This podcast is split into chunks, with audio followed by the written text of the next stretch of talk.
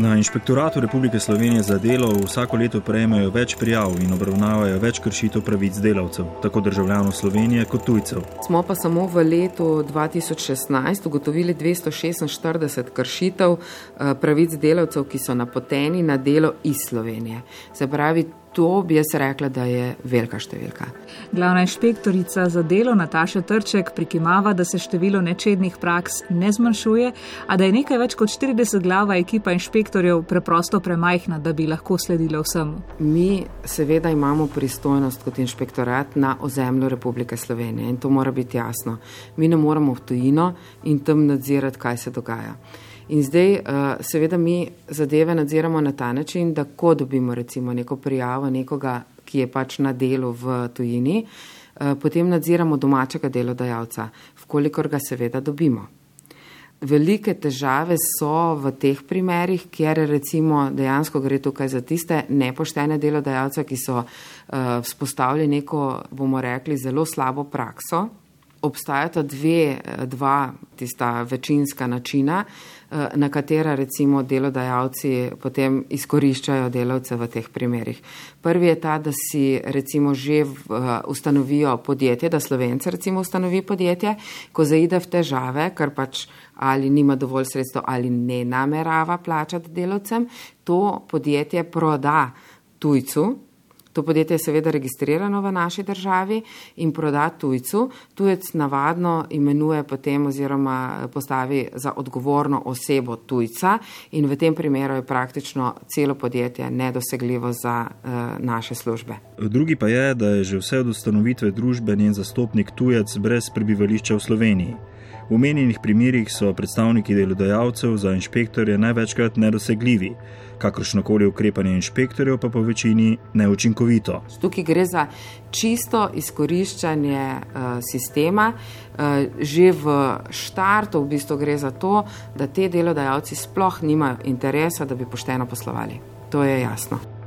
Za pet let zamujamo z učinkovitim nadzorom in spremembami zakonodaje. Za pet let smo prepozni, je prepričan Marko Tanasič, sodelavec za migracije in delovna razmerja pri Zvezi svobodnih sindikatov, ki zdaj skupaj z nemškimi sindikati vodi tudi kompetenčni center za napotene delavce.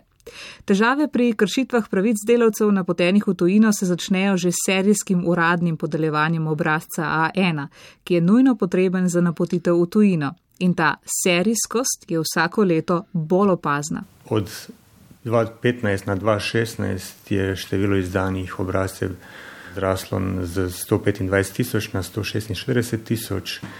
V zadnjih petih letih je recimo se podvojilo ali pa več kot podvojilo. V slabi minuti se prepričamo, ali dobro poznamo bistvo obrazca A1. Gre za uradni dokument, ki se izdaja na podlagi evropskih predpisov, s katerim ena država članica Unije potrjuje, da za določenega delavca v določenem obdobju velja izključno njena zakonodaja z področja socialne varnosti.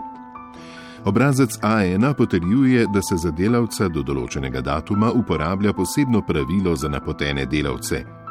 O predložitvi tega dokumenta druga država članica, v kateri je napoteni delavec, ne sme obračunati in ne sme pobrati prispevkov za socialno zavarovanje po lastni zakonodaji. Samo lani smo iz Slovenije v tujino na podlagi tega obrazca napotili več kot 46 tisoč delavcev, to je za pol Maribora ljudi. Za nje je bilo izdanih 146 tisoč obrazcev. Pri vsem skupaj je sporno, da podjetja, ki poslujejo nepošteno, prav tako nimajo težav pri pridobivanju tega obrazca. Tudi če imajo blokirane račune, če ne izplačujejo plač in prispevkov, še vedno dobijo želeni obrazec in s tem odprto pot, da svojo delovno silo legitimno pošljajo v tujino. Ja, v letu 2015, pa že prej, smo imeli kar nekaj podjetij, ki so jim ki so imela blokiran račun ali pa niso imela sploh računov prijavljenih v Sloveniji. Zdaj se trend nekako kaže, da je teh podjetij v tem seznamu največjih napotovalcev manj. Prej smo jih imeli recimo znotraj prvih 500, jih je bilo okrog 12%. V 2016 se je stvar nekoliko umirila, bi rekel.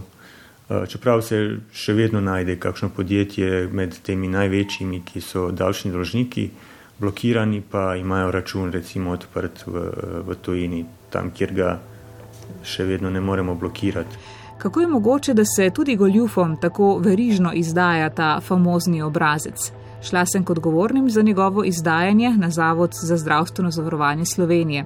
Tam sem govorila z direktorjem področja za urejanje zavarovanja in mednarodno zdravstveno zavarovanje Klemnom Ganzitijem, ki pravi, da krivda ni njihova. Dejansko je problem v tem, da pri izdaji obrazca A1 ni eksaktno bilo predpisano in nikoli in zakonsko določeno, da mora delodajalec imeti izplačane plače, da mora plačevati prispevke za socialne zavarovanja in da ne sme izvajati nekakršnih kršitev delovne pravne zakonodaje. Nismo pa imeli možnosti neke zakonske podlage za zavračanje teh spornih primerov, če lahko tako se izrazim, se pravi, ko se nekako ugotovi že, da delodajalec ne izplačuje plač, da ne plačuje prispevkov, da krši se prav delovno pravno oziroma finančno zakonodajo. To nam bo pa zakonodaja z novim letom omogočala, tako da bomo take najbolj sporne primere, o katerih omenjate, iz Nemčije preprečili. Inšpektor je premalo, ključni izdajatelj spornega obrazca krivdo prelaga na zakonodajno okolje, sindikalni predstavniki pa zmajujejo z glavo, da smo z ukrepanjem že zdavnaj prepozni. S 1. januarjem prihodnje leto sicer začne veljati zakon o čezmenem izvajanju storitev, ki naj bi vendarle zaezil izdajanje potrdila A1 tistim delodajalcem, ki ne izpolnjujejo pogojev za čezmeno izvajanje storitev. A sogovorniki niso posem prepričani, da bo vse skupaj res delovalo. Glavna inšpektorica za delo. Skrbi me, da tisti, ki pač nameravajo poslovati nepošteno, bojo tudi v bodoče poslovali nepošteno. Premika se tudi v Bruslju. Evropska komisija je pred enim letom predstavila reformo direktive o napotitvi delavcev, s katero želi zagotoviti poštene plačne in enake konkurenčne pogoje med podjetji, ki delavce napotijo na začasno delo v drugo članico, in lokalnimi podjetji v državah gostiteljicah.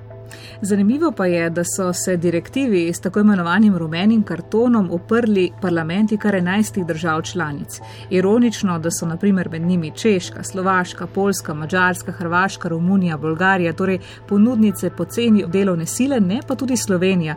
So pa lani poleti pri gospodarski zbornici Slovenije, podobno kot v teh državah, ocenili, da bi predlagana reforma ovirala po njihovo nemoteno delovanje enotnega trga. Komisija pa ustraja pri svojem. Podpredsednica odbora za zaposlovanje in socialne zadeve v Evropskem parlamentu Marita Ulfskog se je v intervjuju za naš radio zavzela za enake pogoje dela in enako plačilo. Equal pay for equal work at the same place.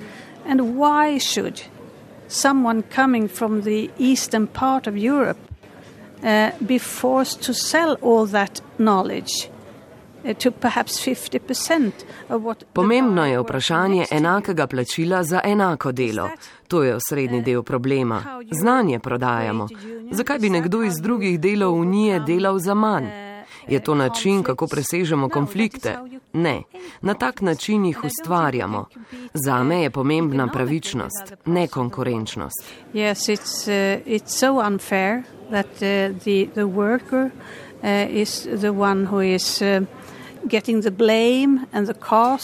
Na koncu so vedno delavci, ki potegnejo najkrajšo. Nepravično je, da je delavec tisti, ki za nastale težave prestreže največji del krivde in stroškov. Delodajalci pa jo ponavadi odnesejo brez hujših pretresov. Če bi imeli ustreznejšo zakonodajo in direktive za urejanje tega področja, bi se delodajalci veliko bolj zavedali svoje odgovornosti. To, da ne bi sledili zakonodaji, bi bilo za nje preprosto preveč drago. Uh, uh, uh, take care of and handle those who are working for your firm. Po njeno bi torej problematiko odpravila le enotna in od držav članic podprta zakonodaja na celotni evropski ravni. Brez osrednjih evropskih vzvodov in predpisov vse skupaj nima smisla, je bila jasna. Podobno meni Nadja Kluge, Fere Mobilität München. Das heißt, äh, wir brauchen mehr gemeinsame Kontrollen, auch erleichterte Kontrollen. Kot pravi, potrebujemo več skupnega nadzora, jasna pravila in boljše sodelovanje med vsemi organi, ki so dejavni na tem področju. Und äh, vielleicht dann auch äh, außerhalb der Senderrichtlinie mal, äh, Richtlinie mal dann beim Vergaberecht noch mal was ändern. Goran Lukič iz delovske svetovalnice pa pravi, da bi se jim že zmešalo, če bi napredek vsem skupaj iskali na sistemski ravni. Pomembne so posamične zmage. Mi smo se na delovski svetovalnici zavestno odločili, eh, da bomo gledali zgodbo iz vidika konkretnih posamičnih primerov, ena po ena po ena.